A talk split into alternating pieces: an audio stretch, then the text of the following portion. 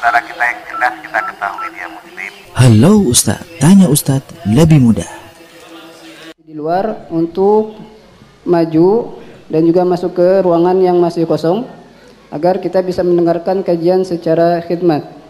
Dan kami sampaikan kepada para jas, eh, para jamaah sekalian, insyaallah kajian pada pagi ini akan kita bagi menjadi dua sesi. Sesi pertama yaitu kajian uh, penyampaian materi yang insya Allah akan disampaikan oleh Dr. Erwan Tarmizi MA Hafidul dengan uh, materi solusi KFR Syariah.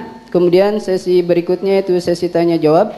Insya Allah nanti akan dipandu langsung oleh Ustadz Hedar LC. Kemudian juga kami harapkan kepada para jamaah sekalian yang mau bertanya maka insya Allah nanti kami persilahkan langsung bertanya di depan dan akan kami berikan mic Ya, jadi tidak menggunakan uh, catatan kertas. Ya, jadi bertanya secara secara langsung. Dan kami harapkan kepada para jemaah untuk tertib dalam bertanya dan nanti akan ditunjuk langsung oleh Ustadz Hedar selaku moderator.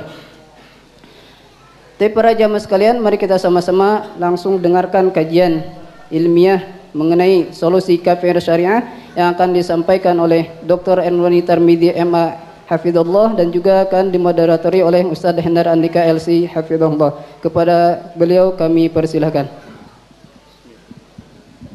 Bismillahirrahmanirrahim. Assalamualaikum warahmatullahi wabarakatuh. Alhamdulillah wassalatu wassalamu ala Rasulillah wa ala alihi wa sahbihi wa man tabi'ahum bi ihsan ila yaumiddin. Alhamdulillah segala puji hanya milik Allah yang dengan nikmatnya dan dengan izinnya kita bisa berkumpul di tempat ini untuk talabul ilmi. InsyaAllah pada kesempatan pagi hari ini kita akan mendengarkan ceramah ilmiah dengan judul Solusi KVR Syariah yang akan diisi oleh Ustadz kita Dr. Erwandi Termidi MA Hafizahullah Ta'ala yang beliau sudah hadir Alhamdulillah di bersama kita di sini. Kemudian dalam sesi ke depan kita akan membagi dua sesi, sesi penyampaian materi yang akan berlangsung kurang lebih 15 menit ke depan. Kemudian setelah itu sesi tanya jawab yang akan ditanya secara langsung untuk ikhwan. Jadi tiga orang penanya dari ikhwan mengacungkan tangannya, kemudian e, dari akhwat pertanyaan secara tulisan dan pertanyaannya kami harap berkaitan dengan materi ataupun berkaitan dengan fikih muamalah syariah. Ya, ini yang kami harapkan dan setiap orang bertanya satu pertanyaan untuk memberikan kesempatan jamaah lain untuk bertanya. Tidak lama langsung saja kita dengarkan ceramah dari Dr. Erwandi Termidi MA. Kepada beliau kami persilahkan.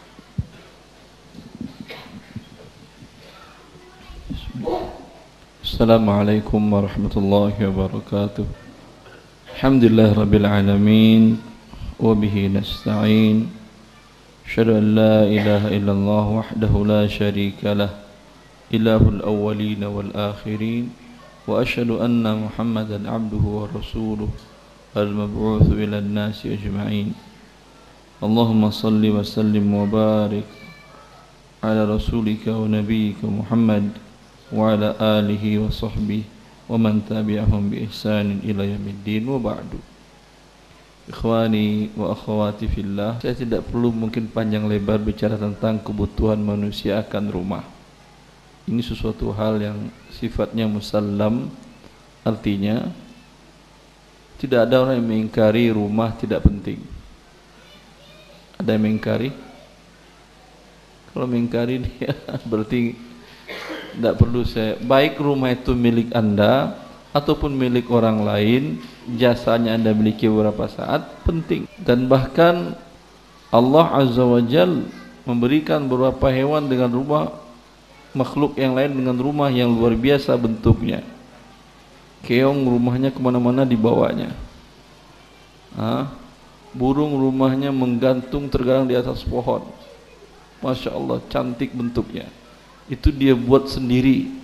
Yang jelas tidak pernah pakai KPR riba dia buat. Tidak pernah dengan KPR riba.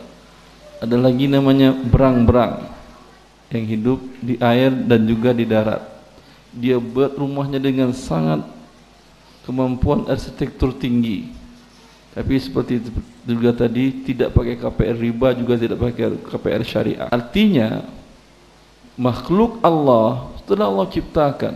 Bagi masing-masing mereka rezeki yang Allah tunjukkan kepada mereka walau dengan tingkat IQ jauh di bawah manusia yang diberikan oleh Allah tapi kemampuan mereka membuat rumah. Ya apalagi kalau yang biasa dijelaskan dalam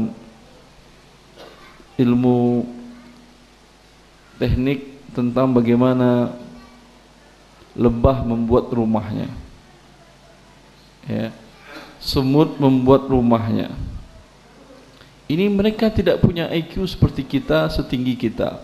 Mereka tidak belajar seperti kita. Ya.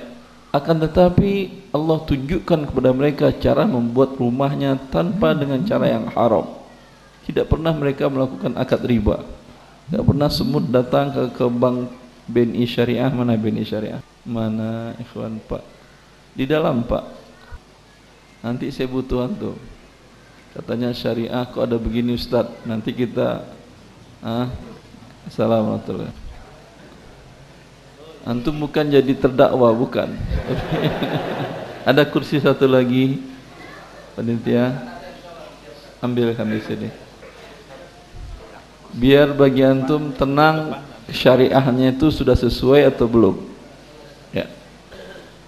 Yang jelas tidak ada nasabah beliau BNI Syariah dan bank syariah lainnya semut pernah datang mengajukan KPR syariah.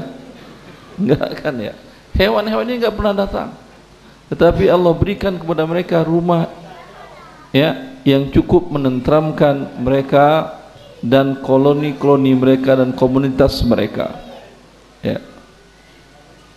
Apalagi kita manusia yang diberikan oleh Allah Azza wa Jal kecerdasan yang cukup tinggi dan Allah tunjukkan dan Allah juga jamin rezeki kita. Silakan Pak Fatriana. Waalaikumsalam. Assalamualaikum Maka atas dasar apa lagi kita harus cari rumah tadi dengan riba untuk memiliki rumah tadi dengan cara riba. Tidak ada alasan. Allah telah memberikan kepada kita syariatnya dan memerintahkan kita untuk mencari yang halal dan melarang kita dari berbuat riba. Kalau umpamanya tidak ada solusi syar'i umpamanya kan Anda tidak wajib juga untuk memiliki rumah tadi. Kalau tidak didapatkan. Kalau ketika didapatkan ini bagian daripada kebahagiaan yang Rasulullah mengatakan arba'un minas sa'adah. Ada empat hal yang merupakan seseorang mendapatkan kebahagiaan dengan mendapatkannya. Di antaranya adalah al-maskanul wasi' wal jarus salih. Ya. Tempat tinggal yang luas. Luas ini tergantung. Kalau jangan anda bayangkan wah tipe berapa yang antum jual 28 TP36 itu mas sempit Ustaz. Bukan mas kenal wasi berarti belum bahagia. Ya akhi. Rasulullah mengatakan di waktu itu rumah beliau berapa kali berapa memang. Salman Al-Farisi pernah dimintakan membuat rumah. Dia datang waktu dia menjadi gubernur di masa Umar bin Umar bin Khattab radhiyallahu anhu. Ketika ditanyakan berapa luasnya? Kata beliau kalau aku tidur kakiku tidak harus nekuk. Bisa selonjok kepala sampai bisa lurus. Kalau aku berdiri tidak harus nunduk aku kalau masuk rumah nunduk dan nunduk terus dalam rumah kan nggak nyaman. Itu yang mereka maksud dengan rumah yang wasiat. Jangan anda bayangkan bagaikan rumah dengan lima kamar umpamanya beli lima kamar dengan tanah umpamanya 400 meter Hah? Ada kolam renangnya, ada lantai tiganya. Ini bukan rumah namanya ini. ini namanya penginapan, bisa ada sewa-sewakan. Ya, bukan itu yang mereka maksud. Tapi yang mereka maksud dengan al-maskanul wasi' adalah seperti itu. Dan ini merupakan kebahagiaan dan faktor membina mendapatkan kebahagiaan bila Anda dapatkan dengan cara yang halal. Bila anda dapatkan dengan cara yang haram dengan cara riba umpamanya maka berubah dia menjadi sebab murkanya Allah. Bila Allah murka pastilah anda tidak akan pernah mendapatkan kebahagiaan. Pastilah hubungan anda dengan anak istri di rumah ini tidak akan merasakan ketenangan dan ketentraman. Maka berubah dia menjadi sebab hancurnya rumah tangga anda dan hancurnya generasi karena mereka anda teduhi anda tempatkan di tempat yang anda dapatkan dengan cara murka Allah dengan cara riba. Riba adalah dosa besar. Ya. Sekarang agar anda tahu langkah-langkah untuk agar sebuah KPR kredit pemilikan rumah tadi sesuai dengan apa yang diperintahkan Allah dan tidak melanggar ketentuan Allah dan Rasulnya saya akan jelaskan ya. pertama tidak boleh anda datang untuk membeli rumah tadi bila anda punya rumah. Paham? Tidak boleh beli rumah dengan cara ngutang kalau anda sudah punya rumah. Jelas ini? Loh dapat dari mana rumah Ustaz? Saya enggak tahu. Mungkin dari warisan orang tua anda mungkin hibah dari tetangga atau dari uh, orang yang baik kepada anda. Ya artinya kalau saya nikah lagi satu lagi Ustaz boleh enggak dengan istri kedua ini rumahnya ngontrak rumahnya beli dengan cara nyicil ha, nanti tanyakan lagi kalau yang itu Cuma secara umumnya itu. Karena anda seorang muslim tidak boleh berhutang bila bukan sesuatu yang sifatnya adalah hajah. Para ulama menjelaskan ada tiga kebutuhan manusia daruriyat, hajiyat, tahsiniyat. Para ulama maqasid syar'iyyah menjelaskan seperti ini. Daruriyat ini bila tidak terpenuhi hidup anda akan gagal. Nggak bisa hidup. Tidak ada rumah sama sekali. Bisa orang hidup tidak ada rumah sekarang sama sekali.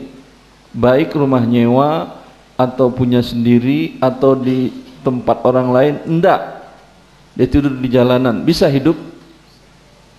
Bisa saya tidak yakin walaupun sementara ini ya ini sifatnya doruriat sama dengan makanan bisa anda hidup tanpa makan? Mungkinnya bisa puasa Ustaz. Iya nanti bukannya pakai apa? Makan enggak Ustaz. Nah, nanti sahurnya pakai makan juga Ustaz. Berarti tidak bisa artinya. Ya ini daruriyat. Ada yang sifatnya hajiyat. Hajiyat di bawah daruriyat. Ya. Hajiyat ini kalau tidak terpenuhi hidup anda tidak akan hilang. Bisa-bisa hidup tapi agak lebih susah umpamanya ya anda dikasih rumah oleh orang tua kerja anda umpamanya di Cianjur tapi orang tua ngasih rumah 70 kilo dari sini ke arah gun gunung Pangrango pas di bawah kaki gunung itu. Hah? jelas ini? Bisa anda bolak-balik setiap hari ke sini? Bisa tapi kan lelah aja. Ya atau tidak? Akan berat hidup anda jadinya kan ya? Ya atau tidak? Maka untuk beli rumah di sini di daerah sini dekat tempat kerja anda atau tempat sekolah anak-anak atau untuk memiliki rumah di sini atau untuk tempat sini ini namakan haji ya jelas? Ada yang namanya tahsiniyah. Tahsiniyah ini hanya sekedar tidak ada itu pun gak ada masalah hidup anda. Umpamanya anda sudah punya rumah di sini tapi kecil tipenya mungkin 21 tapi ingin yang ambil tipe lebih enak lagi lebih dekat ke Alba ke Masjid Al-Bayan dengan mengikuti semua kegiatan-kegiatan di sini sehingga menunjang generasi ke depannya menjadi generasi yang soleh insyaallah dari Allah Azza wa Jal ini namanya tahsiniyah ya dalam tiga jenjang ini mana yang boleh beli dengan berhutang yang tidak boleh yang mana? Tahsiniyah tidak boleh. Jelas. Saya ingin beli juga Ustaz. Boleh beli cash. Lebih murah kan ya? Pak siapa nama itu? Pak Indra. Lebih murah kan ya kalau cash? Nah, insya Allah. Diskon berapa persen? Gak boleh jual beli di masjid Ustaz gitu ya. Tapi kalau jual beli di masjid. Hah? Harus anda beli cash. Gak boleh berhutang. Begitu hidup. Dalam Islam ada yang boleh, ada yang tidak. Karena Rasulullah SAW bagaimanapun juga beliau berlindung dari hutang. Iya atau tidak? Setiap pagi dan petang beliau berlindung dari hutang berdoa kepada Allah Azza wa Jal. Lalu kita umatnya ingin mengikuti sunnahnya, tapi rumah pun kita beli ngutang. Nah, yang tidak boleh tadi yang mana? Tahsiniyah. Yang untuk hajiat dengan daruriyat ini boleh, ya dengan syarat satu lagi ada tambahan syarat kedua ya diperkirakan anda mampu membayar kalau dalam istilah fikihnya malaatul amil yaitu konsumennya ini ada malaah apa bahasa perbankannya apa mampu bayar itu bahasa banknya apa ah, bahasa ya perbankannya apa bankable ah, bankable artinya diterima oleh bank untuk bisa bertransaksi tidak tunai dengan mereka. Jelas ini? Ya. Ya, dia ngajukan, ini kan bank syariah. Iya, saya ingin beli perumahan syariah. Iya. Anda lihat slip gaji, lah katanya syariah. Yang penting saya bisa bayar.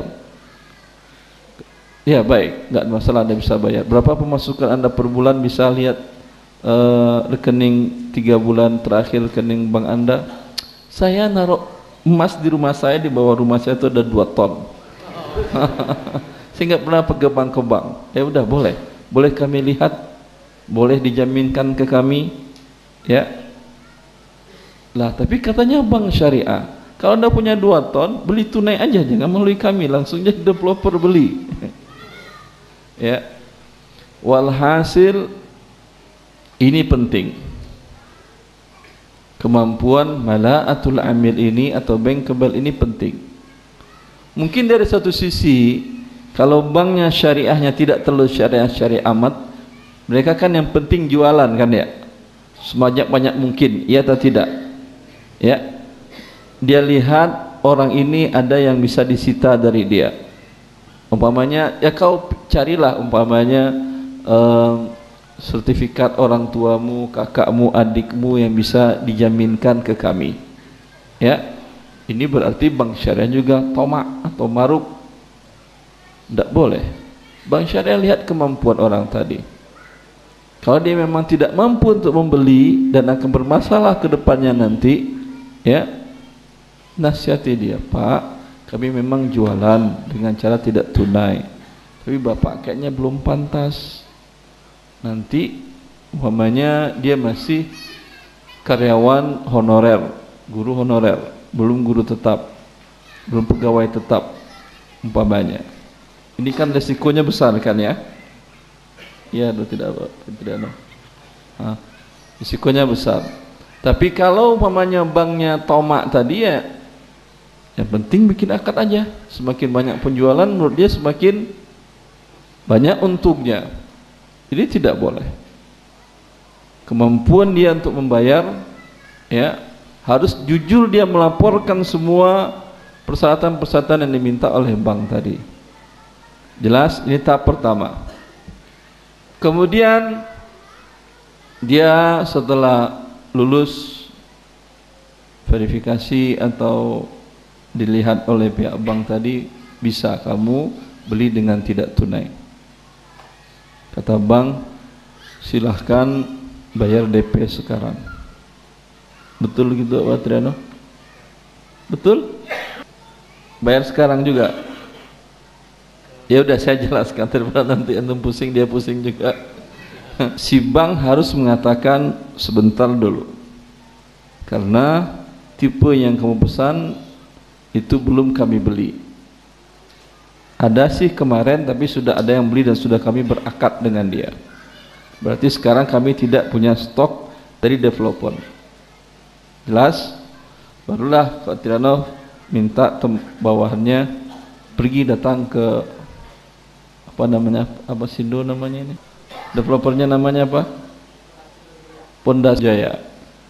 Sebentar dulu saya suruh orang saya ke Pondas Sindo Jaya.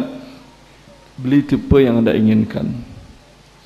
Ya udah datang orang dia ke Pondas Sindo Jaya. Ah, lalu dia nelfon Pak Petrianov Alhamdulillah ada ini yang dipesan coba tanyakan ke dia kira-kira dengan spek seperti ini posisinya di sini begini begini begini setuju enggak ya.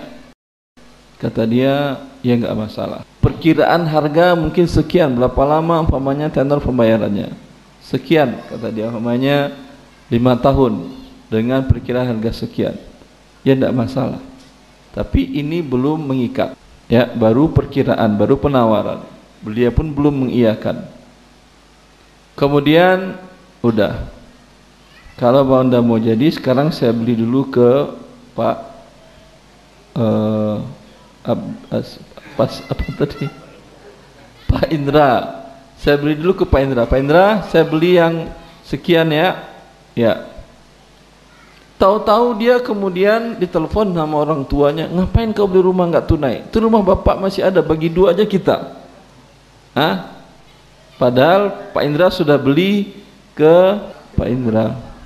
Bak Bak BNI Syariah sudah beli ke Pak Indra. Ya. Dapat resiko enggak pihak bank? Boleh dapat resiko bang? Boleh. Siap anda resiko? Insya Allah. Ini dagang namanya. Hah. Kalau dia enggak mau resiko enggak dagang. Ya, dengan ini enggak jadi, yang lain nanti mungkin datang juga, ya atau tidak? Karena itu sudah dibelinya ke Pak Indra. Ya, kata Pak Indra, ini bukan punya kami lagi kalau orang datang ke dia. Langsung aja kalau ke BNI kami sudah jual ke dia. Jelas? Setelah dibeli tadi, andai jadi umpamanya. Jadi Pak, ya, dia bilang ke Pak Indra yang orangnya Pak Petrianov di BNI Syariah yang di Pak Indra tadi ambil kuncinya. Serah terima sekarang. Saya akan berakad dengan orang ini dia sudah bawa DP dan ada rekeningnya di, di bank kita. Ya. Jelas sekarang ini? Ya. Baru dibuat tanda tangan akad dan DP nya berapa. Tentukan harga ya. Harganya tadi saya lihat berapa 300 juta kurang lebih umpamanya biar gampang hitungnya dia maunya lima tahun. Kalau lima tahun jadi berapa? 300 jadi 500 atau 600 perkiraan? Dari 400 cuma 100 nambahnya? Enggak terlalu cuma nambah 100 Alhamdulillah. 5 tahun padahal kan ya? Hah? 5 tahun itu inflasinya aja udah ketutup kan itu kan ya? Iya kan kenaikan lima tahun properti berapa Pak Indra di sini sampai 100 persen? Hah? Iya. Sedangkan Anda cuma tambahan 20 persen kenaikan 100 persen masih untung Anda 80 persen. Ya. Kemudian sudah berakad nyicillah beliau setiap bulan dan dalam akadnya ingat tidak boleh ada denda keterlambatan. Karena kalau denda ada denda keterlambatan di mana terlambat dia membayar. Ya. Dan dikenakan pertambahan ini riba jahiliyah. Anzirni azirka. Beri aku masa tangguh mundurkan hutangku aku tambah pembayarannya. Ya. Bagaimana? Ada klausa ini di BNI Syariah? Tidak ada, yakin? Kalau ada bagaimana? Kalau ada harus ditiadakan. Ya, betul. kalau kalau ada harus tidak dia. Betul itu. Ya. Berarti sudah tidak ada ribanya ini jual beli biasa. Sudah sesuai dengan syariat di mana mereka terima dulu kemudian baru mereka jual. Jelas sini? Ya, jangan salah langkah Anda. Kalau Anda datang dulu ke developer, Anda bayar DP atau developernya minta kata Pak Indra, Mas bayar DP dulu. Kalau kamu nggak jadi, ah, hilang. Atau saya kembalikan juga kalau kamu nggak jadi atau potong 20%. Tapi kalau kau nggak bayar DP, ya nanti ada yang datang sini beli cash, saya jual ke dia. Pak Indra terima DP-nya. Kalau dia datang ke Anda bayar DP, Anda terima DP-nya? Ya, customernya mau beli ini. Dia tidak tunai. sebentar dia mau bayar DP dulu ke anda agar nggak hilang anda terima ah, salah anda nggak duduk depan juga ada kursi satu lagi biar kelihatan terdakwanya jangan ngomong syariah doang ketika didiskusikan secara ilmiah masih ada kursi satu lagi. Ya boleh boleh boleh. Kursi hijau tuh boleh. Nggak apa-apa karena itu cocok untuk pesakitan. Adalah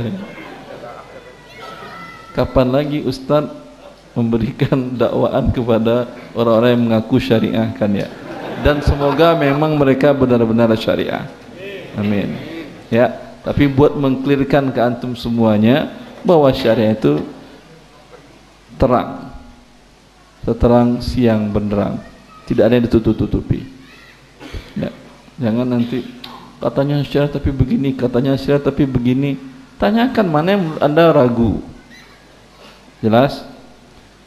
Kalau ada yang ingin beli ingin menggunakan KPR dari bank syariah datang dia lihat unit rumah yang diinginkan ke anda dan dia bayar DP ke anda. Anda terima atau tidak?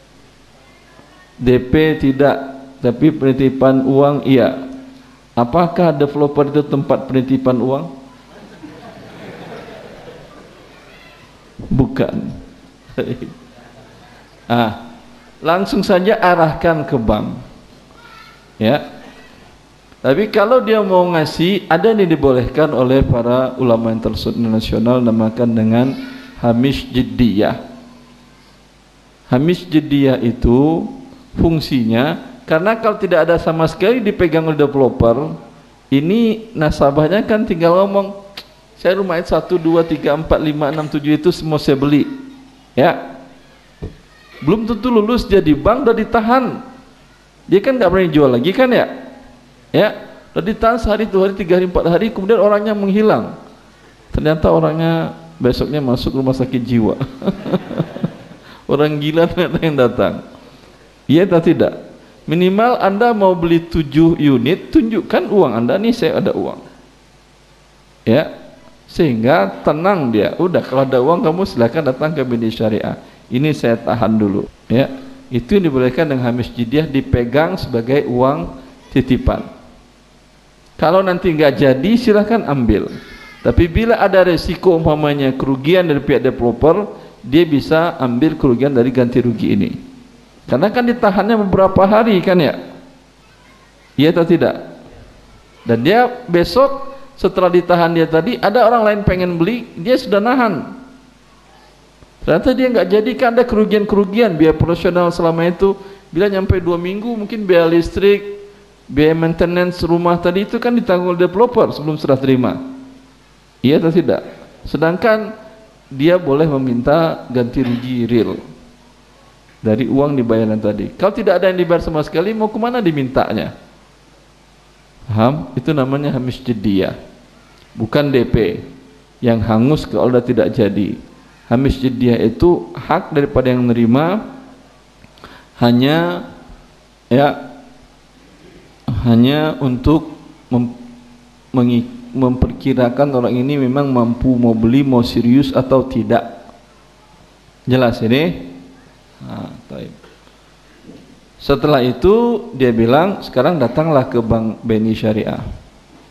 Setelah datang ke BNI Syariah ternyata alhamdulillah diterima oleh Bank BNI Syariah pengajuan pembelian dengan tidak tunainya. Ya. Lalu BNI Syariah nanyakan, "Kamu sejauh mana langkah sudah kamu lakukan ke developer?"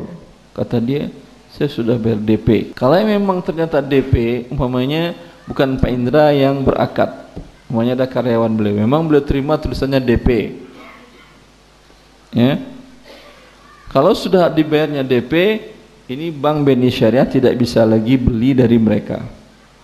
Karena dengan DP barang menjadi milik pembeli. Kalau Bank BNI Syariah masuk, berarti dia cuma menutupi sisa hutang.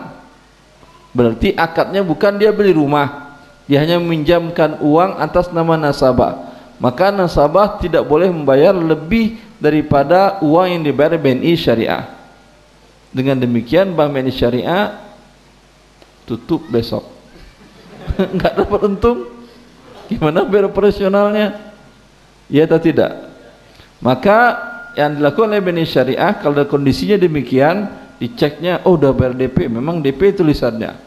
Maka BNI Syariah harus minta kepada orang tadi, kau datangilah developer, batalkan akad kredit. Begitu kan Pak Fitri ya? Begitu kan di BNI Syariah betul? Ha. Batalkan dulu. Jelas ini? Jelas? Sudah lewat seperempat jam. Eh, kalau antum antum ingat kan ditambah lagi cukup baik.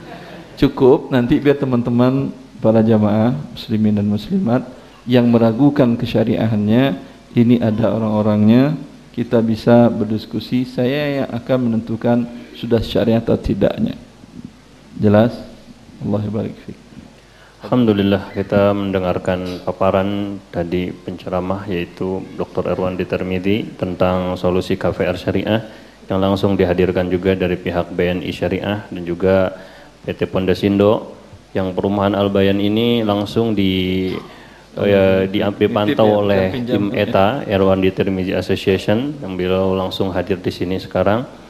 Kita langsung saja masuk ke sesi tanya jawab. Sesi tanya jawab ini untuk ikhwan tiga orang. Kemudian setelah itu akhwat untuk akhwat dituliskan. Nah, sekarang yang bapak-bapak yang ini ada yang di sebelah sana, ada yang di sebelah sana. Nah, nanti kita tunjuk satu-satu. Ya silahkan mendekati silahkan Pak. Ya sebelah sana. Sik. Yang di sebelah sana satu. Pergantian kanan dan kiri. Setelah itu baru kalau ada dari akhwat kita tunggu pertanyaan dari sana. Assalamualaikum warahmatullahi wabarakatuh. Assalamualaikum warahmatullahi wabarakatuh. Uh, Ustadz, uh, saya ingin bertanya mengenai uh, kejelasan. Setahu saya, uh, bank hanya lembaga keuangan, tapi tadi disebutkan bahwasanya bank membeli dulu ke pihak developer. developer. Nah, pertanyaannya yang pertama, apakah benar terjadi pembelian antara bank dan developer? Apakah boleh bank membeli me, apa bank belanja boleh bank atau tidak? belanja ya setahu hmm. saya bank itu hanya setahu anda bank lembaga, boleh belanja lembaga keuangan tidak bisa melakukan transaksi real dia hanya boleh pinjaman kredit ya. dan ada pertambahan ya gitu. yang kedua eh, ketika terjadi transaksi eh, antara developer bank dan konsumen di manakah letak sertifikatnya apakah di bank atau di developer atau di mana? Antara bank dengan developer belanja beli bank beli ke developer gitu kan? Ya, ada yang kredit misalkan uh, uh, konsumen beli kredit 15 tahun misalkan ke ke bank ke bank bank BNI Syariah misalkan. Sertifikat di mana? Sertifikatnya disimpan di mana? Ah, taib. Maunya ya. Anda di mana? Di rumah sendiri. Hah? taib, taib. Ya, demikian. Assalamualaikum warahmatullahi wabarakatuh. Assalamualaikum.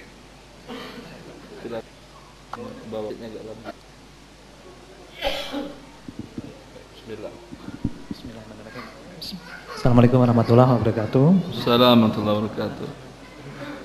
Alhamdulillah. Allahumma sholli ala sayyidina Muhammad wa ala ali Muhammad. Uh, saya mencoba untuk menjawab dari pertanyaan dari uh, mohon maaf uh, Pak Pak Aulia. Pak Aulia. Baik, untuk yang pertama ya, pertanyaannya apakah bank diperbolehkan transaksi real ya? Karena menurut Pak Aulia yang beliau tahu uh, aturan perbankan tidak boleh transaksi real, mungkin seperti itu ya. Kemudian pertanyaan kedua adalah pada saat terjadi transaksi nasabah kepada bank, uh, di mana sertifikatnya disimpan. Mungkin itu dua, kalau misalnya ada yang kurang tepat tolong langsung dikoreksi. Untuk pertanyaan pertama, insya Allah untuk perbankan syariah eh, kita melakukan transaksi yang dimaksud transaksi real adalah AJB eh, kemudian mungkin maksudnya seperti itu ya AJB dan HT-nya langsung diikat ya Pak. Kalau tidak kalau tidak melalui bank mungkin tidak di HT ya. Kalau misalnya cash itu langsung AJB, kemudian balik nama mungkin itu ya yang, yang saya koreksi. Itu idealnya adalah antara bank dengan developer berarti ya gitu. Kemudian nanti kami menjual kembali. Uh, ada AJB lagi, kemudian ada balik nama lagi mungkin keinginan seperti itu ya. Gitu. Uh, untuk menjembatani kita menggunakan akad ya itu. Untuk akad jual beli kan pertama mungkin hukumnya ada barang penjual pembeli, kemudian uh, harganya suka dan ridho ya suka dan, suka sama suka gitu. Uh, menjembatani dengan hukum syari tadi gitu. Untuk sementara kita gunakan yang jalan akad jual beli tadi. Uang mukanya melalui bank karena uh, kami yang nanti membeli terlebih dahulu kepada developer dalam hal ini PT Pondasindo dengan Pak Indra. Uh, kami sepakat dulu setelah melihat uh, karakter uh, calon konsumennya apakah bisa di, bisa apa bisa transaksi dengan bank atau tidak anggap itu semua sudah lulus, sudah bisa kita transaksi, uang muka juga ada. Alangkah lebih baik uang mukanya langsung dibuatkan rekening di bank saja, karena kan nanti transaksinya dengan BNI Syariah gitu. Uangnya tidak ke mana-mana. Kemudian juga kami ada kesepakatan dengan developer bahwa kami akan beli sesuai dengan uh, lokasi yang diinginkan ya gitu. Jadi intinya yang nomor satu tadi kami jembatani dengan kami akadnya akad secara syari kepada uh, developer dengan harga perolehan sesuai dengan harga developer. Kalau hukum positifnya nanti biar tidak biar uh, nanti dilakukan pada saat antara perbankan dengan BNI Syariah dengan uh, konsumennya seperti itu nomor satu. Mohon dikoreksi nanti kalau yeah. Uh, nomor itu nomor satu bisa langsung kedua atau langsung dibahas Pak Ustadz. Langsung saja nomor dua. Langsung nomor dua. Sertifikatnya Baik. di rumah saya atau di rumah anda? Untuk nomor dua karena pembelian nanti kita akan ada lagi akad juga sama seperti uh, bank dengan developer diikuti dengan akad Eh, teknisnya kalau sudah sampai semuanya sudah tinggal tinggal akad saja ya antara bank dengan konsumen uh, nanti sertifikatnya sebagai jaminan mengikuti uh, ketentuan dalam hal ini kita sampai saat ini masih harus ikut ketentuan uh, pemerintah untuk di hak tanggungan diikat hak tanggungan maka dititipkan di BNI Syariah hanya sudah dibalik nama atas nama konsumen gitu. Seperti itu. Uh, kalau sudah lunas tentu mau dilunasin kapan pun sebelum jatuh tempo itu adalah hak dari konsumen. Uh, mudah-mudahan bisa menjawab. Uh, terima kasih. Assalamualaikum warahmatullahi wabarakatuh. Uh, uh, saya mungkin sedikit menambahkan yang bertanya tadi mana? Ya. Setahu saya undang-undang OJK mengeluarkan undang peraturan undang-undang peraturan di tahun 2017 bulan Januari tentang bank syariah sudah boleh melakukan akad jual beli. Ya. Januari 2017 kan ya. Itu setahu saya juga atas usulan dari pihak BNI Syariah. Pada dasarnya tidak ada larangan di dalam undang-undang perbankan itu bank melakukan jual beli tidak ada larangan Cuman orang memahami fungsi bank hanya sebagai meditiari, mediti, iya meditiari. Di mana dia terima dari sini, kemudian serahkan ke sini, tidak ada jual beli. Pinjam uang dari sini, pinjamkan ke, ke pinjam uang pinjam uang dari penabung, dipinjamkan kepada para pengusaha atau orang yang membutuhkan. ya. Sudah ada aturannya nggak perlu anda ragu. Dan pun memang jual beli anda ini pura-pura atau memang jual beli anda dengan dia? Memang jual beli udah Hah? ya artinya resiko setelah dibeli oleh BNI Syariah sudah serah terima. Sebelum BNI Syariah tadi berakad. Ya tadi dia tadi dalam kasus yang saya gambarkan tadi nasabah sedang di depan kantor BNI Syariah di depan mau berakad. Dan dia tadi pergi beli dulu satu orang karyawannya Iya. dengan dengan developer. Setelah serah terima diterima ya ya kemudian datang ke sana. Dan sebelum dia nelpon ke sini la Allah terjadi gempa. Rumah hancur. Siapa yang menanggung kerugian? Developer atau bank Kalau udah akad sama bank ya mungkin bank. mungkin atau harus? Harus bank. Ya, gitu. ya tentu bank. Berarti sudah jual beli atau belum menurut anda? Sudah berpindah resikonya ke bank? Sudah jual beli? Alhamdulillah. Berbeda kalau dengan bank konvensional. Dia hanya anda yang berakad sendiri anda yang beli sendiri uang tidak ada pinjam uang ke dia ketika anda beli kemudian rumah kena gempa seperti tadi pihak bank tetap menagih hutangnya ke anda atau tidak? Yang konvensional. Tetap karena dia bukan beli memang dia minjamkan uang ke anda. Kalau ini dia beli dulu. Seperti para pedagang lainnya. Saya kira jelas ini. Tidak ada pelanggaran syariatnya. Masalah sertifikat menurut anda ada yang melanggar syariat? Hah? Apanya pakai mic pakai mic di sana dulu antum Eh, setahu saya Pak, eh Ustadz, pel- pelaku jual beli tidak boleh saling menahan objek yang menjadi jual beli yang ditahannya rumah atau sertifikat sertifikat. anda jual beli sertifikat atau jual beli rumah Jual beli rumah Hah, rumah tetap dipakai oleh pemilik atau tidak? tetap Hah? Terus mana yang ditahan oleh bank? Sertifikat, bukti kepemilikan. Astagfirullah. Kalau saya bilang saya jual ini ke anda, Hmm. saya bilang, tapi karena anda tunai ini nggak bisa dulu anda pakai. Saya bawa dulu. Ya, Hah? Ini ia hutang dengan hutang. Anda bayarnya nanti, barang setelah terimanya nanti. ya. Tapi ini pakai dulu oleh anda. Hah? Kemudian sertifikatnya ada atau bukti originalnya anda ambil agar anda nggak bisa jual dulu sebagai jaminan. Ya. Ya. Ini sudah serah terima atau belum barangnya? Barangnya sudah tapi secara apa? Secara resminya belum. Ini kan di sertifikat nama anda atau nama bank? Nama nama konsumen, Ya udah. Berarti itu milik anda atau milik bank? milik konsumen. Ya udah. Kalau ini harganya naik, yang dapat untung anda atau bank? Konsumen.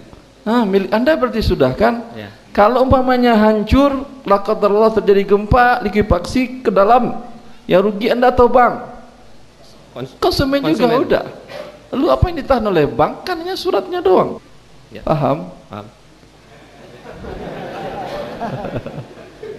Sudah? Ya. Berarti masih masalah secara syariat? Kalau Nanti deh, lanjut aja yang lain dulu, Ustaz. Enggak apa-apa, enggak Soalnya saya, apa-apa. soalnya saya tahunya juga dari Ustaz, dari Ustaz dengan Sa- Ustaz Ustaz yang mana Wahyudi saya? juga. Ya. Saya bilang dulu apa? Antum tahunya dari saya kayak seperti itu enggak boleh. Iya, Iya. lupa kalian tuh. Mungkin iya Ustaz, saya lupa. Allah barik. Enggak maksud saya biar antum tenang, enggak ada lagi ganjalan. Alhamdulillah clear. Ya, silakan pertanyaan kedua. Assalamualaikum warahmatullahi wabarakatuh. Assalamualaikum warahmatullahi wabarakatuh. Ustaz, eh, Dan saya mohon maaf, saya bukan Dewan Syariah di BNI Syariah dan juga bukan pemilik, tidak ada hubungan saya dengan apa tadi namanya Pak Indra. Kecuali beliau minta konsul dengan tim saya, konsul sesuai syariah atau tidak. Jadi saya tidak ada kepentingan ini iklan saya tidak. Anda jadi nggak jadi, saya nggak akan rugi. Tapi anda bertanya ke syariat, saya bantu, saya dapat pahala dari Allah cukup bagi saya. Betul kan Pak Fitrianov ya? Saya nggak ada hubungan kan dengan syariah? Nggak ada hubungan. Baik. Silakan. Ustaz, eh, saya mau menanyakan dari sudut pandang pelaku penjual rumah, karena kebetulan Pelaku apa? pelaku penjual rumahnya, Ustaz. Maksud pelaku Jadi penjual rumah ini apa? katakanlah saya ini sebagai penjual rumahnya gitu, Ustaz. Pemilik rumah, Iya, developer. iya sebagai Ah, developer. ini ada developer. Terus. Nah, eh, yang mau ditanyakan itu Ustaz karena eh, kekhawatiran yang eh, terjadi itu rata-rata dari konsep keamanannya Ustaz. Maksudnya Semisal konsumen yang memang sudah terjadi akad apabila tidak mampu membayar nantinya akan seperti apa. Di konsep keamanan itu pemaparannya ini yang eh, saya pribadi dan juga teman-teman saya masih belum pahami Ustaz sebagai pelaku penjual rumah gitu Ustaz. pelaku penjual rumah, Ya, developernya itu Ustaz. develop, ini developer. Anda menanyakan ka- ini kasus ini atau kasus umum maksudnya? Kasus rumah khususnya. Bukan penjual kasus rumah. yang sekarang dihadapin kan ya? Oh, kalau untuk eh, dengan berhubungan dengan BNI dengan eh, perumahan Albayan tidak, Ustaz? Tidak secara umum. Ya, secara umum. Anda punya rumah. Ya, saya Terus, punya eh, perumahan. Anda ingin jual Eh, saya pengen jual tapi Terus? dengan konsep syariah. syariah. Dan kebetulan memang Tidak eh, pakai lembaga keuangan. tidak pakai lembaga keuangan. Ter- dari awal Anda tidak apa namanya eh, cek orangnya layak atau tidak berkening korannya segala macam. Ternyata dia berbohong umpamanya. Ya, katakanlah seperti itu. Terus bagaimana safety-nya Anda? Iya, dari segi keamanannya kita secara konsepnya itu belum paham, Ustaz. Baik. Eh, eh, eh, bisa bantuan Ustaz? Ya. Insya Allah. Syukran. Assalamualaikum warahmatullahi wabarakatuh. Salam wabarakatuh. Ada kalau ini kasusnya lain tanpa lembaga keuangan mungkin yang beliau tanyakan. Kalau dengan lembaga keuangan itu lembaga keuangan yang menyiapkan safety-nya tadi. Kalau dengan pribadi langsung ada salah seorang pejabat di Kementerian Keuangan, beliau sudah bertobat alhamdulillah. Beliau ingin pergi pindah ke daerah lain ini ngaji di suatu kota di Pulau Jawa ini juga. Kemudian dia ingin jual rumahnya di daerah Kemang Pratama di daerah Bekasi dan ingin jual tanpa lembaga bank karena pembelinya bilang saya nggak mau pakai bank pak kata penjualnya. Saya juga nggak mau pakai bank. Dia jual dengan harga 3,5 m. Kemudian dengan cara pembayaran bayar dulu 500 pada saat akad 500 juta.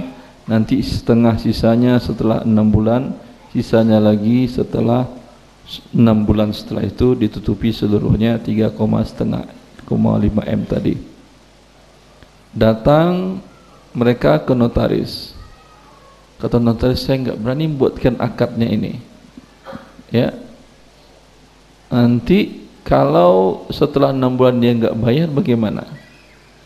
Atau bulan ke-6 bayar, bulan ke-12 dia nggak bayar bagaimana? Lalu dia nak menghubungi saya, Ustaz, ini notaris nggak mau membuatkan akadnya Ustaz karena resikonya tinggi bagi penjual.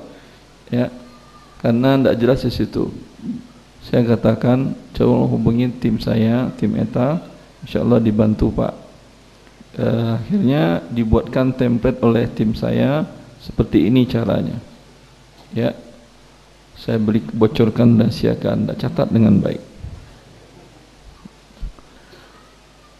bahwa rumah yang dijual tadi itu dijaminkan dipegang surat-suratnya semuanya oleh pihak notar yang ketiga yaitu notaris sebelum lunas tidak akan dibalik namakan tapi serah terima rumah bisa pakai langsung bisa jadi dalam fikih itu ada qabad namanya hakiki, ada qabad namanya hukmi. Serah terima barangnya diserahkan. Nih umpamanya. Ini qabad pegang. Hah? Ini namanya qabad hakiki. Jelas? Kalau qabad hukmi hanya surat-surat penjualannya atau uh, sertifikat segala macam itu yang diserahkan. Balik nama atau dipegang. Itu namanya qabad hakiki. Dua-duanya boleh, salah satunya pun boleh. Jelas? Kalau qabad hakiki rumah dipakai dan ditempati oleh pembeli, ya Tapi untuk penjaminan agar dia yakin membayar ini dipegang dulu oleh notaris tidak diserahkan tidak balik nama. Karena kalau sudah balik nama diserahkan kepada si pembeli kemudian menghilang dia setelah bulan ke-6 tadi pindah dia ke Madinah Nabawiyah tinggal di sana. Gimana mau ngejarnya? Hah? Ya atau tidak? Boleh akad seperti ini? Boleh. Sudah serah terima, sudah qabat. Jelas? Maka saya saya katakan ke teman-teman tolong buatkan akadnya bahwa surat-surat dipegang dulu oleh pihak notaris.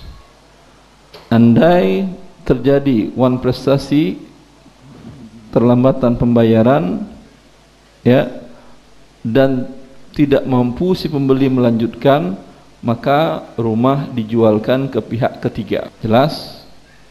Pen, berarti sekarang ada pembeli kemudian ada penjual pihak pertama.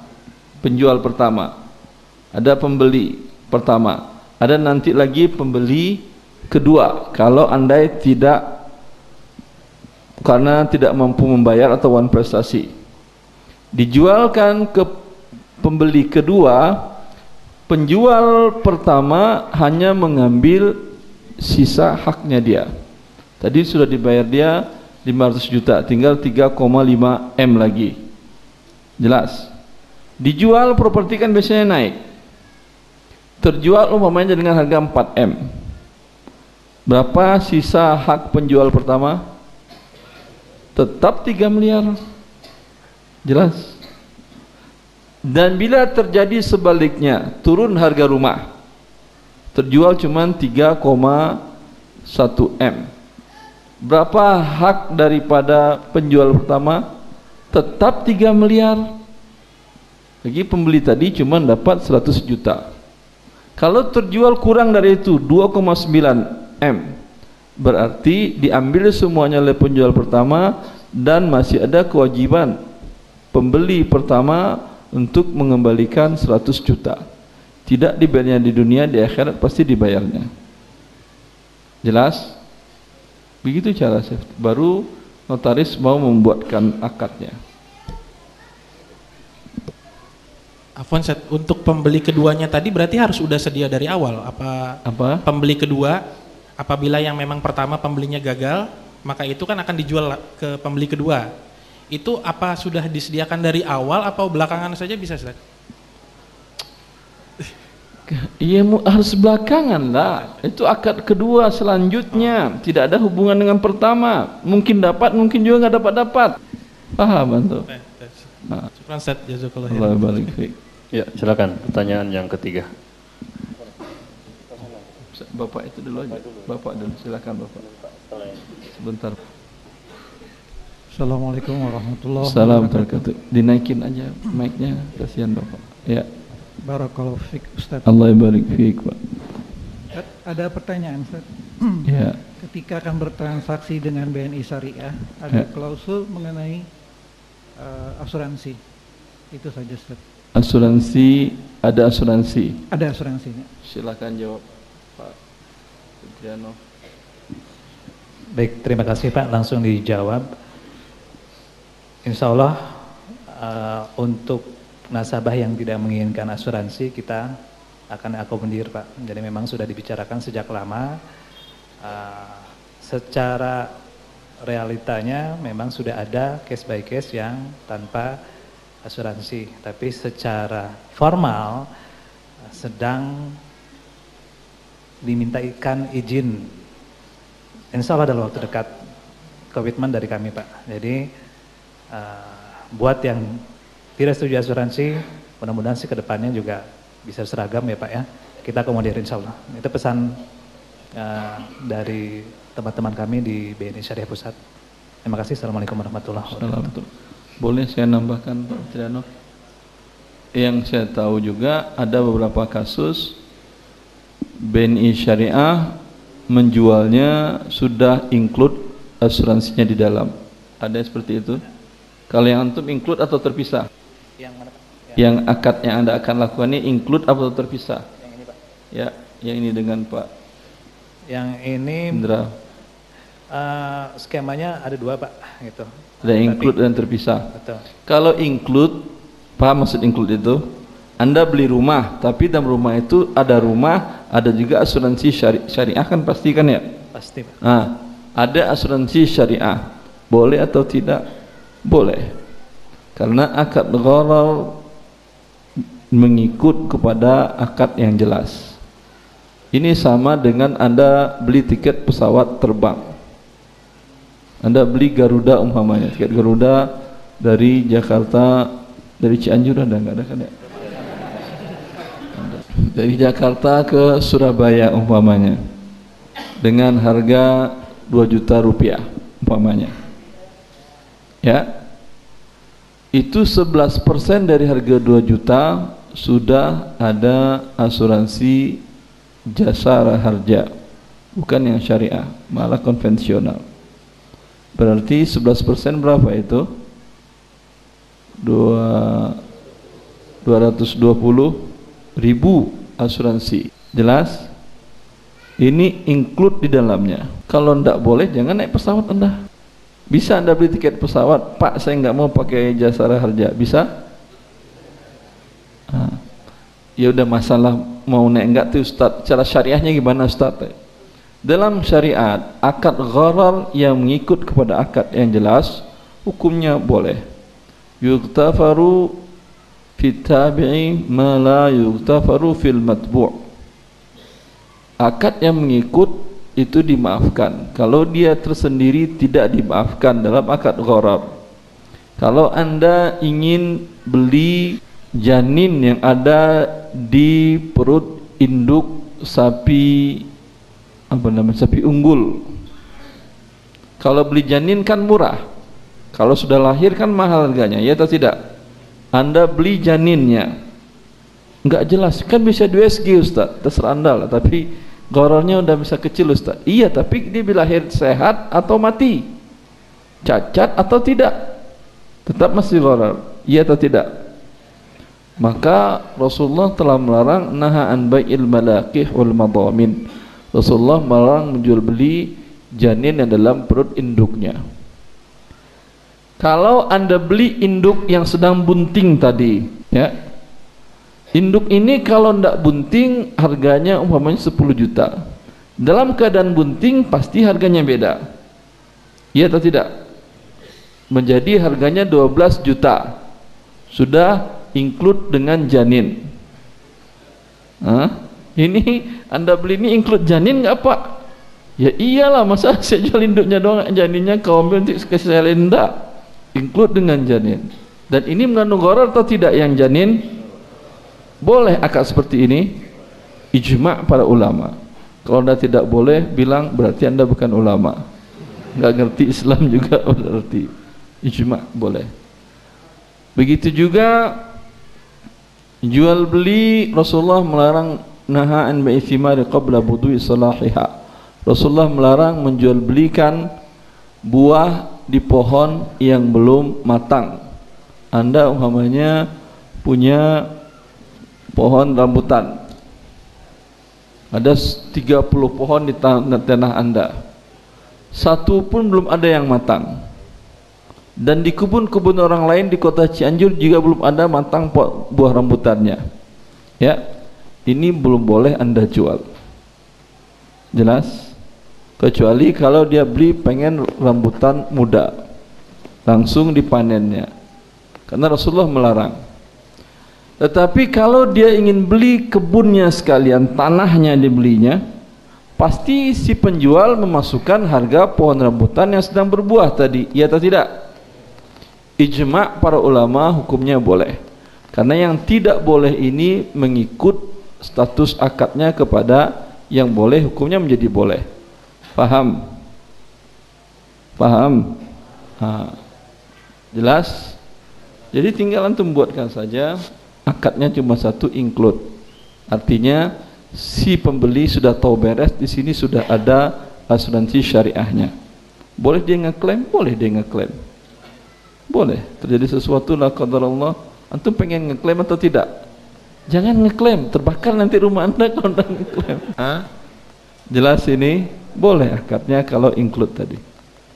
Itu yang masalah asuransi. Baik, karena sudah berdiri, tafadhal. Setelah ini pertanyaan dari akhwat kita bacakan, kemudian yang ingin bertanya silahkan menuju ke sana dan ke sebelah sana. Assalamualaikum warahmatullahi wabarakatuh. Assalamualaikum warahmatullahi wabarakatuh. Ustadz, eh, saya dari Bandung eh, sengaja pengen tanya langsung karena ada pertanyaan mengganjal, tetapi tentang masalah zakat, Ustadz. Zakat, Iya. masya Allah. Eh, kebetulan semoga sebentar, semoga Allah memberikan pahala setiap langkah antum dari Bandung kemari. Ya, tapi ke depannya ada aplikasi Halo Ustadz. eh, saya sudah coba gagal terus. Antum sebelum mencetnya berdoa dulu surat tahajud yang banyak minta ke Allah ikhlaskan niat pencet bismillah insya Allah nyambung Eh, jadi Ustadz, kebetulan eh, profesi saya itu sebagai petani, tepatnya itu petani jamur tiram ya Ustadz ya. Hmm. Kalau saya lihat eh, pemaparan Ustadz di YouTube itu, kayak yang termasuk zakat pertanian itu yang menjadi bahan makanan pokok utama gitu. Berarti apakah eh, apa, jamur jamur tiram. ini termasuk zakat pertanian atau perniagaan gitu? Itu yang ah, baik. yang dimaksud dengan makanan pokok bila orang makan itu tanpa makan yang lain dia bisa bertahan hidup orang hanya makan itu yang dikatakan oleh para ulama al-iqtiyat orang hanya makan beras saja tanpa makan yang lain bisa bertahan hidup bagaimana kalau dia makan jamur aja tanpa makan yang lain bisa bertahan hidup Hah?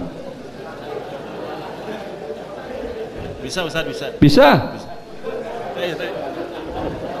Dia nggak makan nasi, nggak makan, Oh. nggak pakai garam, nggak pakai sayur, nggak pakai sambal, nggak pakai ikan teri, nggak pakai telur, hanya jamur dimakan dari Waduh. pagi sampai sore sampai malam Waduh. sampai besok. Berapa Ya. hari dia bertahan hidup kira-kira? Mungkin gak akan lama kali Ustadz. Saya nggak tahu. Berarti dia bukan makanan pokok. Iya. Maka tidak ada zakat pertaniannya. Yang ada ini menurut jumhur ulama ya, kalau Hanafiyah iya. Kullu ma yanbutun butuhul ard. Setiap yang tumbuh di bumi menurut beliau iya. Sampai pun toge pun ada zakatnya. Kalau menurut Hanafiyah, kalau menurut jumhur tidak.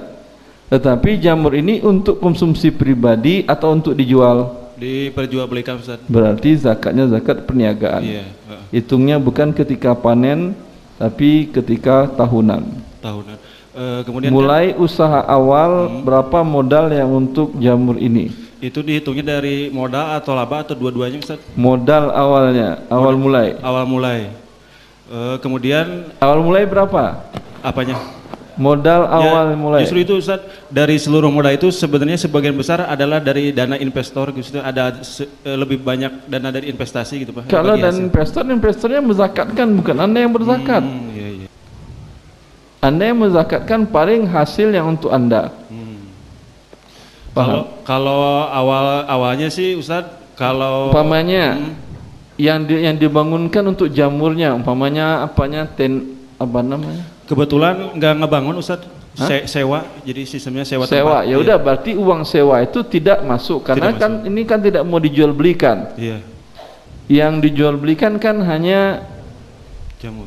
Si jamurnya saja tanamannya. kan ya, bibitnya saja kan ya. Iya, iya. Berapa modal bibitnya sampai 53 juta? Awalnya sih bertahap Ustaz, yang pertama kali sekitar 22 juta. 22 nggak sampai nisab. Kemudian nambah lagi jadi em, 23 dikali 2. Cepat. Pokoknya di di atas eh, sempat di atas 50 juta gitu Ustaz. Cuman setelah Sempat itu ada 50 juta, Heeh. dua bulan setelah itu turun lagi. Terus eh, kemudian sel- periode selanjutnya karena uangnya kepake sama pribadi jadi diganti sama dana investor gitu. Jadi turun lagi di bawah nisab setelah itu. Nah, dia menghitungnya begini, umpamanya saya store 20 juta, tapi saya punya uang juga yang lain di tabungan saya 30 juta, 35 juta, 35 tambah 20, 55 kan ya. Ini sudah sampai nisab, saya ngeluarin zakat sendiri. Yang menghitung zakat masing-masing, bukan bukan digabung. Jelas ini. Berarti sudah mulai nisab sudah ngitung haul tadi terus naik turun naik turun penjualannya nanti setahun saya hitung store tadi ke anda Oh berarti dilihat pada saat setelah tadi ada nisabnya tercapai setahun kemudian dilihat lagi Ustaz. iya ya setahun kemudian umpamanya dihitung 354 hari dari saya dari, Dari terakhir store pertama tercapai. store pertama dari 94 harinya pada tanggal 355 hari kan setahun itu kan ya iya 365 atau 354 365 berarti. Tiga, oh, oh iya. Hijriah. saya rubah cara berpikir antum. Allah mengatakan Inna iddata syuhuri inda Allah isna asyara syahran fi kitabillah Yawma khalaqas samawati wal ard. Pada hari Allah menciptakan langit dan bumi Bulan itu ada 12 Dan hari itu kata Rasulullah SAW Sebulan itu kata Rasulullah Asyahru hakadha wa hakadha wa hakadha. Berapa berarti? Kemudian beliau mengatakan asyahru hakadha wa hakadha wa hakadha Berapa? Itu yang bulan Tidak ada bulan 28, tidak ada bulan 31 Yang 31, 28 itu bulan-bulanan Jelas antum? Yang tadi itulah 354 hari Jelas? Maka saya katakan 354 hari Ini bagi kaum muslimin di masa dulu sebelum ada penanggalan penanggalan Masehi ini semua orang tahu bulan itu. Ketika kelihatan bahwa tanggal sekian ke atas lihat. Kalau yang penanggalan ini enggak ada yang tahu. Makanya Imam Syafi'i pernah mengatakan dalam kitab al-umnya bila akad salam, akad salam itu serahkan uang sekarang, serah terima barangnya ditentukan tanggal sekian. Kalau tanggalnya dibuat dengan tanggal Efrenjiyah atau Januari Februari tersebut batal akadnya.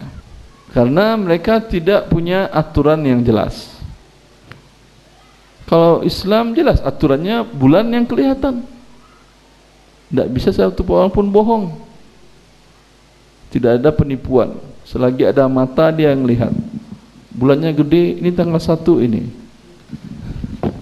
Ada bulan gede tanggal satu? Ada kan ya jelas?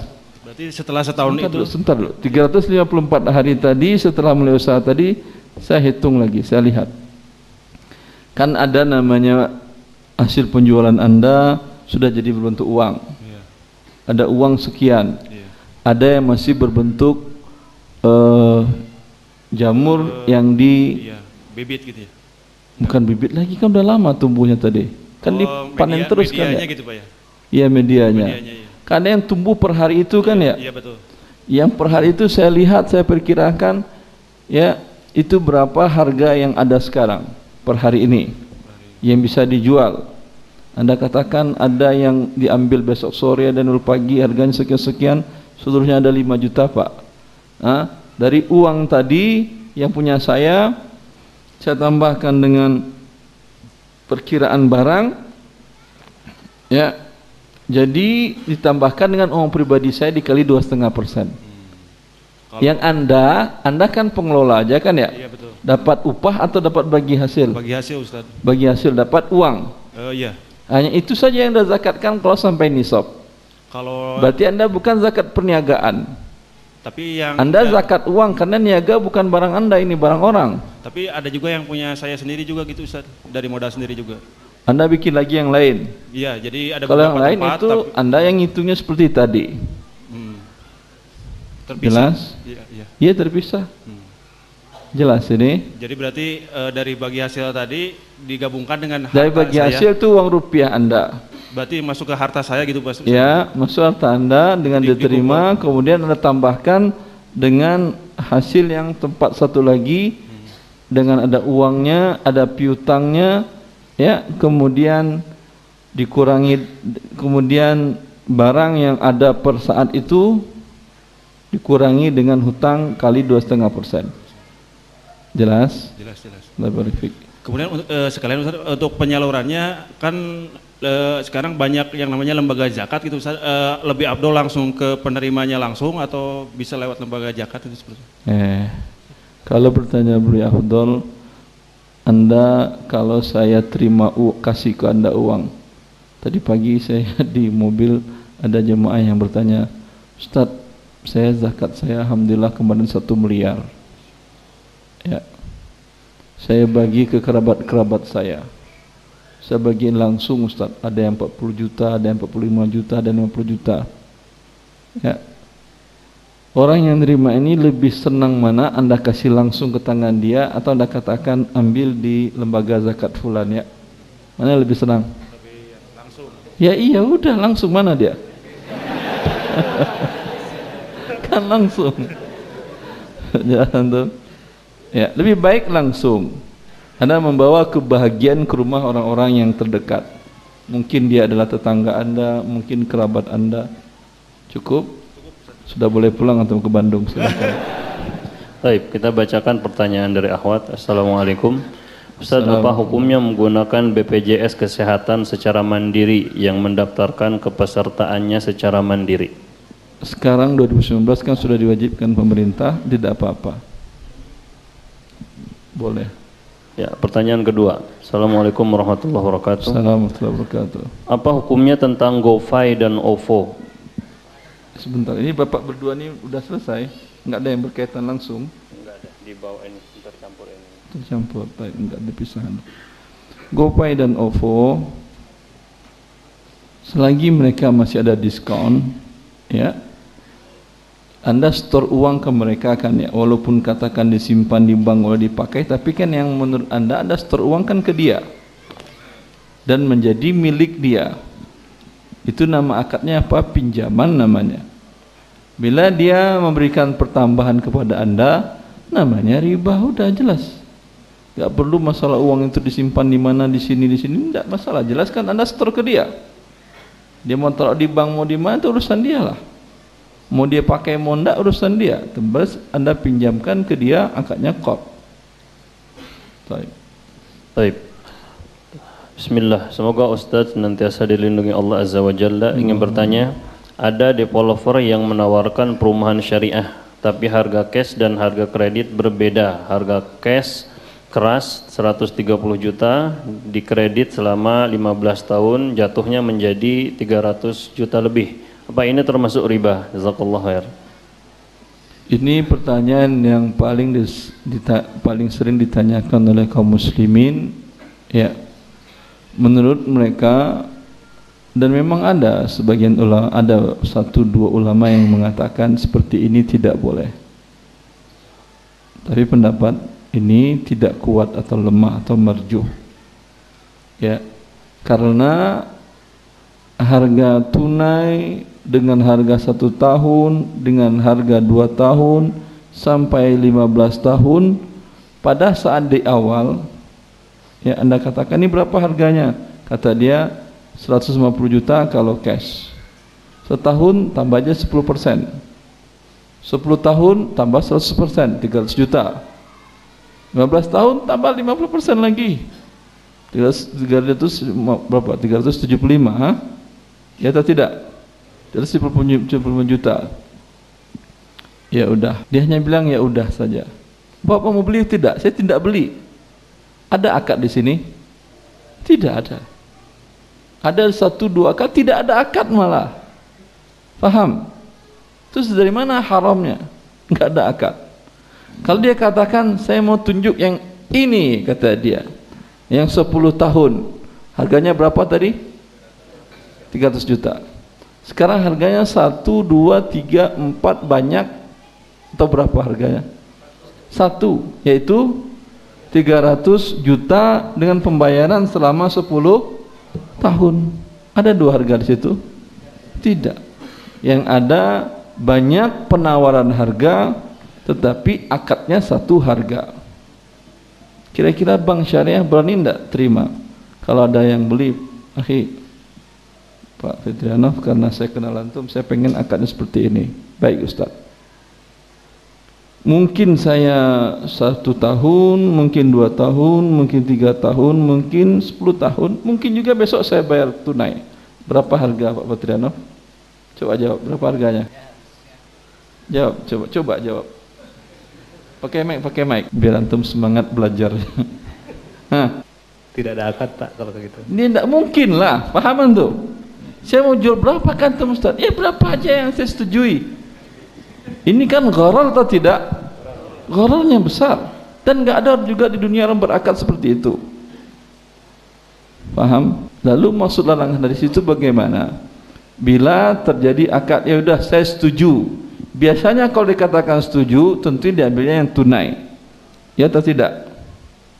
Ya atau tidak? Saya setuju berarti yang tunai. Itu kan yang paling cepat. Ternyata dia molor setahun ke tanah. Setahun berarti 110 bayar 10 juta lagi. Dan tambah 10 persen. 15, maaf 15 juta 190 tadi kan ya. Di sini terjadi riba. Paham antum itu? Baik. Baik, kita bacakan sebentar. Assalamualaikum warahmatullahi wabarakatuh. Saya bertanya, kalau saya sudah ada rumah tapi masih KPR, tidak syariah. Kurang lebih masih tujuh tahun lagi. Sekarang ada keinginan untuk KPR syariah. Tabungan saya baiknya buat melunasi yang dulu atau DP yang KPR syariah. Eh, bila seorang terlibat perbuatan dosa, sebaiknya bertobat kepada Allah secepatnya.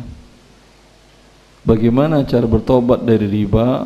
Allah mengatakan, "Faman ja'ahu mau'izatun min rabbih fantaha." Siapa yang datang kepadanya peringatan Allah mengharamkan riba, lalu dia berhenti.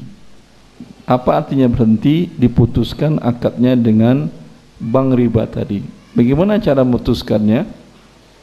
Kalau bisa anda minta bahwa saya hanya bayar pokoknya aja, dulu saya terima 100 juta, saya bayar 100 juta, tanpa ada pertambahan, tentu dia tidak mau kan ya. Maka cara cara bertobatnya hanya anda bayar tunai seluruhnya sudah selesai akad riba anda dengan dia. Jelas, itu lebih penting daripada anda bikin akad walaupun syariah yang baru. Selesaikan dulu riba anda, bertobat kepada Allah. Ya, setelah itu mungkin anda jual rumah anda tadi. Kalau ingin lebih dekat dengan kawasan yang lebih islami, anda beli setelah itu, ya, dengan tunai mungkin lebih baik. Wallahu a'lam. Dan minta kepada Allah untuk memudahkan urusan kita. Karena dalam kondisi keuangan sekarang repot juga menjual rumah dengan cara tunai seperti tadi. Ya, betul. Kepada penanya dari laki-laki, silakan. Bismillah. Assalamualaikum Ustaz. Assalamualaikum eh, Saya mau nanya, ada di sekolah punya koperasi simpan pinjam yang eh, dahulu dengan bunga 2% menurun sebesar uh, simpanan apa uh, pinjaman gitu. Nah, sekarang karena udah tahu itu riba, kemudian uh, sudah mau berhenti dengan tidak uh, tidak pakai bunga sekarang meminjam itu, ya. Cuman ada biaya administrasi. Administrasi itu boleh kalau biayanya real tidak dapat keuntungan. Tidak. Jadi yang jadi yang saya bingung gitu. Saya tanya dulu karena saya jadi angkat ketuanya kalau ini halal nanti saya mau jadi ketua kalau enggak? Eh, saya eh, yang lain aja gitu. Gini caranya. Eh, di sini dibutuhkan 2 juta per bulan untuk biaya petugas dan pengadaan kertas. Sudah dihitung setahun itu 24 juta. Jadi jatuhnya sebulan itu 2 juta gitu. Ya. Untuk biaya kertas dan pembayar eh, pengurus sebagai pengelolaannya gitu. Ya. Nah, yang saya tanyakan setelah dihitung ternyata eh, 0,5 persen dari besarnya pinjaman untuk mencapai eh, satu bulan eh, 2 juta gitu. Ya. Nah kemudian eh, tidak boleh biaya administrasi dengan 0,5 persen dari yang dipinjam. Biaya administrasi itu real. Ya tapi memang sebentar itu, maksud ya. real itu mau pinjam 1 juta, 2 juta, 5 juta, 10 juta biaya administrasi tetap. Umpamanya 10 ribu 10 ribu. Uh, tapi untuk memenuhi misalnya kan uang itu 17 juta dihitung ya itu kan dipinjam oleh beberapa orang Ustadz. Misalnya ada lima orang, tiga orang sebulan gitu ya. Berarti kan biaya dibutuhkan 2 juta satu bulan itu. Gitu. Kalau nggak ada orang minjam? Eh, insya Allah itu karena eh, Kalau tidak ada, dari mana biaya administrasinya? kalau tidak ada, Satu memang- orang yang minjam, berarti dia bayar 2 juta gitu? Iya makanya itu yang yang yang saya bingung Ustaz gitu. Iya, saya seperti juga apa bingung. gitu, ya. Jadi Yang syariah itu eh, ya seperti apa Anda gitu. tetapkan Ya. biaya untuk transaksi untuk karyawan segala macam tadi berapa per transaksi. Bukan Anda hitung kebutuhan setahun mereka, bukan. Biaya per transaksi. Jadi orangnya mau banyak, mau dikit biayanya sama. Mau pinjam uangnya banyak, mau dikit biayanya sama. Realnya biasanya berapa? Buat materai, buat kertas, berapa biasanya realnya? Sampai 20 ribu? Kalau petugasnya boleh dibayar nggak Ustaz? Eh, jasa petugas setiap bulan itu yang pencatat. Berapa biasa? Biasanya berapa? Sampai 20 ribu? Realnya 20 ribu, netnya 20 ribu udah, tetapkan 20 ribu. 20 ribu. Mau ada orang mau pinjam, mau tidak, mau banyak, mau dikit, uangnya mau banyak atau sedikit yang minjam, tetap bayar 20 ribu per transaksi. Wallahu a'lam. Oh, gitu Ustaz. Tapi kalau sedikit lagi Ustaz, bagaimana kalau biaya itu eh, jasa ini jatuhnya ya, jasa itu dicicil oleh orang yang meminjam itu misalnya 20 ribu nyicil juga? Ya misalnya gitu ya, saya bayar dua dua kali gitu misalnya, Eh, boleh nggak gitu? Jasa Boleh. gitu. Oh, boleh. Ya gitu aja. Ustaz. Allah Ya, Assalamualaikum warahmatullahi wabarakatuh. Pertanyaan berikutnya. Assalamualaikum warahmatullahi wabarakatuh. Assalamualaikum warahmatullahi wabarakatuh. Barakallahu fiik Ustaz. Allah barik fiik. Ustaz, eh, begini, sebelumnya saya 14 tahun kerja di jasa keuangan dan sudah 2017 sudah hijrah Ustaz. Karena latar latar belakang saya selama 14 tahun ini di jasa keuangan dalam arti leasing beberapa kali lamar kerjaan itu selalu karena ke- pengalamannya 14 tahun di jasa keuangan tidak jauh-jauh dari jasa keuangan. Nah, yang, yang perta- ri- karena pengalamannya riba yang nggak jauh-jauh dari riba juga. Iya, gitu. betul Ustaz gitu. Hmm. Yang Fitriano, ingin bisa diadopsi dia. Maksudnya bisa di Ustaz yang ingin saya ajukan ke beliau siapa tahu ada rezeki antum. Ya, Ustadz yang ingin saya tanyakan, andai kata saya bukan di tempat yang riba, tapi dengan syarat harus motong jenggot atau mungkin di bank yang syariah. BNI Syariah beliau panjang jenggotnya nih. Ha. Iya. Mungkin hampir sama dengan antum. Atau di bank syariah atau di jasa yang sifatnya syariah gitu, apakah itu itu masuk dalam kebutuhan hidup dariat sama hajiat Ustadz? Dororiyat maksud antum. Dariat sama hajiat Ustadz. Sebentar. Kan negara kita itu ada namanya HAM. Bahkan Anda kementerian tersendiri, ya atau tidak? Anda bekerja pakai jenggot memang. Kalau akuntan umpamanya, dia ngetik pakai jenggot atau pakai tangan? Lihat laporan keuangan pakai jeng- jenggotnya yang bekerja atau tangannya? Tentu pakai tangan Ustadz, tapi Ya udah, apa hubungan dengan jenggot saya? Bilang ke atasan Anda, saya adukan Anda ke HAM. Benar. Ini pelanggaran HAM namanya ini. Paham untuk? Udah dia kau bilang HAM udah udah diam diam. saya Oh, jadi tidak masuk dalam kebutuhan itu, Sebentar, dia. saya kenal ikhwan. Antum jangan takut untuk taat kepada Allah itu. Ah. Karena Allah pemilik langit dan bumi. Cuman cari celah-celah yang nakut-nakutin mereka tadi. Ya mereka tidak takut dengan Allah, dengan HAM mereka takut. Saya ada teman beliau PNS senior dan kepala bidang di ring 2 dia di Rungga Wapres. Dulu dia belajar di saya 2013 pelatihan. Penampilannya jenggotnya sama panjang dengan antum cingkrangnya tinggian dia mungkin dari antum. Saya bilang anda di ring 2 begini penampilan nggak bermasalah pak. Pernah Ustaz dipermasalahkan oleh atasan saya kepala da- kepala rungga panggil saya. Ketika dia tanyakan seperti itu saya jawab Pak ini masalah HAM Pak kalau Bapak tetap menanyakan ini Bapak akan saya gadukan ke HAM kata dia "Shh." jelas Iya, maksud saya gini Ustaz. biasa kalau di Kalau di, antum bilang ini haram nih segala macam dia nggak mau dengar, dia ke ham udah selesai urusannya. Oh, iya. Maksud saya Ustaz, ketika Kan nggak ada aturan PNS, tidak boleh berjenggot, tidak boleh cingkrang, nggak ada aturannya. Iya. Maksud saya Ustaz, ketika interview kita cukur jenggot dulu, nanti sudah masuk, baru kita panjangan bisa Ustaz. Anda mau cari rezeki Allah atau mau cari murka Allah? Oh ya rezeki Allah. Ah udah selesai urusannya. Syukran Ustaz. Jazakallah. Pertanyaan berikutnya. Tunjukin baik-baik nggak mau ya udah. Ah. Assalamualaikum warahmatullahi wabarakatuh. Assalamualaikum warahmatullahi wabarakatuh. Eh, saya sedang belajar usaha untuk terbebas dari lingkungan lama saya yang bekerja di tempat riba. Sekarang itu saya belajar usaha dengan membuka warung makan dengan sistem bagi hasil. Nah, saya di sini berlaku sebagai eh, pengelola, sedangkan saya amalnya eh, saudara saya. Nah itu Eh, investornya saudara Anda. ya investornya saudara saya. Anda pengelolanya. Saya pengelola. Terus Nah saya itu sudah berjalan kira-kira setahun lebih karena waktu itu saya belum paham cara bagi hasil. Jadi eh, dari modal yang diberikan itu saya gunakan untuk membuka usaha mulai sewa tempatnya yang paling mahal sewa tempat peralatan kemudian eh, persediaan awal. Nah itu eh, karena kesepakatannya waktu itu saya belum paham jadi dibuat kesepakatan di mana ada hasil tiap bulan itu. Dari hasilnya itu disisihkan katanya untuk biaya sewa eh, tahun berikutnya kemudian untuk tabungan THR dan untuk penyusutan dan sebagainya.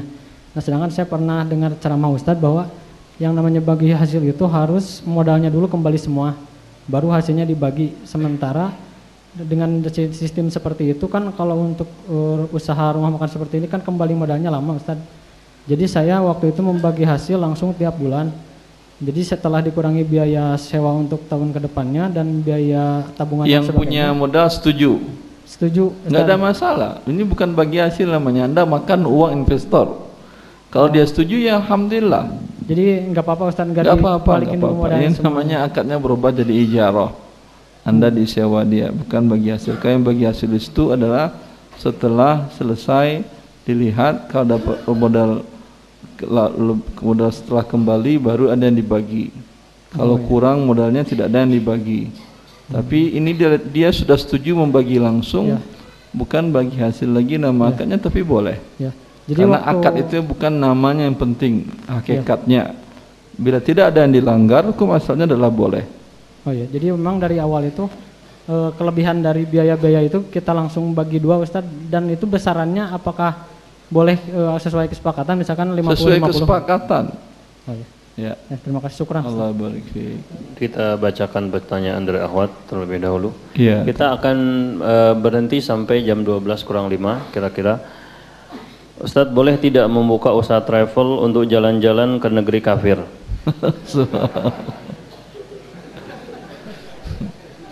Travel jalan-jalan ke negeri kafir.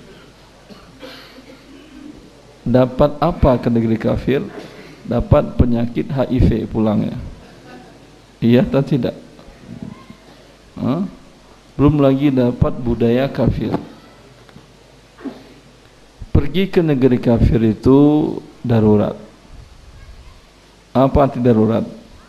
Kalau tidak ada di negeri muslim, kita akan diwajibkan hijrah. Bahkan Allah mengatakan wajib hijrah bagi yang tidak illal mustad'afin kecuali orang-orang yang lemah tidak bisa jalan perjalanan jauh baru boleh dia tidak hijrah dari negeri kafir. Andai umpamanya kita sudah tidak bisa lagi sholat di Indonesia, dilarang sama pemerintah sholat, baik sendirian di rumah apa pun berjamaah. Kita berarti harus hijrah tinggalkan Indonesia semuanya. Paham? Sekarang kan masih boleh kita ya sholat di Indonesia baik sendiri-sendirian dengan berjamaah menunjukkan syiar-syiar Islam tak ada pernah melarang pemerintah. Jelas? Ya. Kemudian anda pergi ke negeri kafir yang di sana untuk sholat jamaah susah. Jelas? Semua orang buka aurat, ya. Semua orang bikin perzina di mana-mana tanpa ada yang melarang. Itu kan namanya capek anda. Kalau mau masuk neraka ngapain jauh-jauh kan gitu kan ya. Indonesia kan juga bisa masuk neraka kalau pengen masuk neraka. Tujuan Anda, uang sudah keluar, badan sudah capek, itu ingin mendapatkan kebahagiaan. Jelas, kebahagiaan itu dapat di mana? Dengan bertakwa kepada Allah. Perjalanan yang paling baik di atas muka bumi Allah dan menjadi ibadah ada tiga jenis perjalanannya. Pertama, perjalanan ibadah haji dan umrah. Kedua, perjalanan mencari rezeki Allah yang halal. Ketiga, perjalanan berjihad fi sabilillah. Kalau ada travel yang ngirimin Anda mau jihad ke Afghanistan, dikirimin oleh dia pakai travel dia. Ini travelnya bagus. Masalah berhubungan dengan bin itu bukan urusan kita. ha? Ada orang yang travel mencarikan rezeki tempat-tempat bekerja di dunia ya, di, di luar negeri yang halal tempatnya, halal pekerjaannya, ya dan halal gajinya. Besar angkanya. Ini bagus. Ya, atau travel umroh dan haji ini boleh. Dan di sana terletak rasa kebahagiaan itu di sana. Bukan sekedar melancong sana melancong sini. Tidak ada bahagianya, lelah badan anda malah. Rusak tubuh anda. Apalagi jauh dari keluarga dan istri dan dari orang tua. Karena safar itu adalah kit'atun minal azab. Namanya perjalanan jauh itu merupakan azab siksaan. Kapan berarti boleh melakukannya? Ketika tadi. Bila ada tujuan untuk mencari keriduan Allah Azza wa Jal pertanyaan terakhir mungkin dari Bapak silahkan setelah ini kita selesai kajiannya dan kita tutup Baik, terima kasih. Assalamualaikum warahmatullahi wabarakatuh. Assalamualaikum warahmatullahi wabarakatuh. Ustaz ada beberapa pertanyaan. Yang pertama Ustaz mau nanya tentang Anda ini dapat pinjaman CSR Ustaz, PKBL dari perusahaan BUMN. Nah di sana dapat pinjaman CSR. CSR PKBL istilahnya uh, apa dari per, apa perusahaan BUMN seperti Pertamina uang ke Anda. ya kepada pelaku usaha tadi. Pelaku Salah usaha satunya nah, dengan dikembalikan pokok tambah pertambahan. Tanpa pertambahan tapi tanpa. tanpa Ustaz. diterima satu miliar kembali semiliar kurang. Tak yang mau anda tanyakannya adalah ada administrasi tadi kan tiga persen itu digunakan tiga persen bukan administrasi namanya untuk pelatihan Ustaz. untuk pelatihan jadi si CSR ini si perusahaan ini meng, apa, mengadakan pelatihan pelatihan seperti uh, bagaimana melakukan produksi yang baik dan lain sebagainya nah itu dananya diambil dari itu juga gitu Ustaz. Tidak Apakah boleh. boleh tidak? Tidak boleh ini adalah menggabungkan pinjaman dengan akad sewa jasa. Rasulullah melarang menggabungkan pinjaman dengan jual beli. Ya. Pinjamkan satu miliar, mau ikut boleh, berbayar, nggak mau ikut juga nggak ada masalah. Tidak mesti dipaksakan. Ini berarti dipaksakan berarti menggabungkan dua akad yang Rasulullah melarang penggabungan dua akad seperti ini. Baik, Pak. Yang kedua Ustaz, kalau one prestasi menurut secara apa syariat itu apa maksudnya berapa lama boleh tiga bulan kah atau bagaimana dan sebagainya itu bagi. Pada waktu yang disepakati dengan si pembeli dengan ya, pihak yang berhutang tidak nunggu satu bulan tiga bulan setengah hari dua jam aja dia terlambat mau tutup kantor atau saya mau tidak ada di rumah. Ya saya bilang di hari tanggal itu saya hanya ada di rumah sampai zuhur. Terlambat dia lima menit ya one prestasi namanya dia baik Ustaz jazakallahu khair Ya Alhamdulillah kita mendengarkan tadi pemaparan ilmiah. Ada yang mau disampaikan oleh Pak Fitri Langsung ya. Sama Pak ya mungkin ditutup dulu dari sesi Panjaya kajian dan juga tanya jawab dan mohon maaf ada beberapa pertanyaan yang tidak bisa kami sampaikan dan dijawab oleh Ustadz karena terlalu banyak dan waktunya terbatas. Uh, ada yang disampaikan dari pihak BNI Syariah? Ya. Silakan. Ya, tafadhol.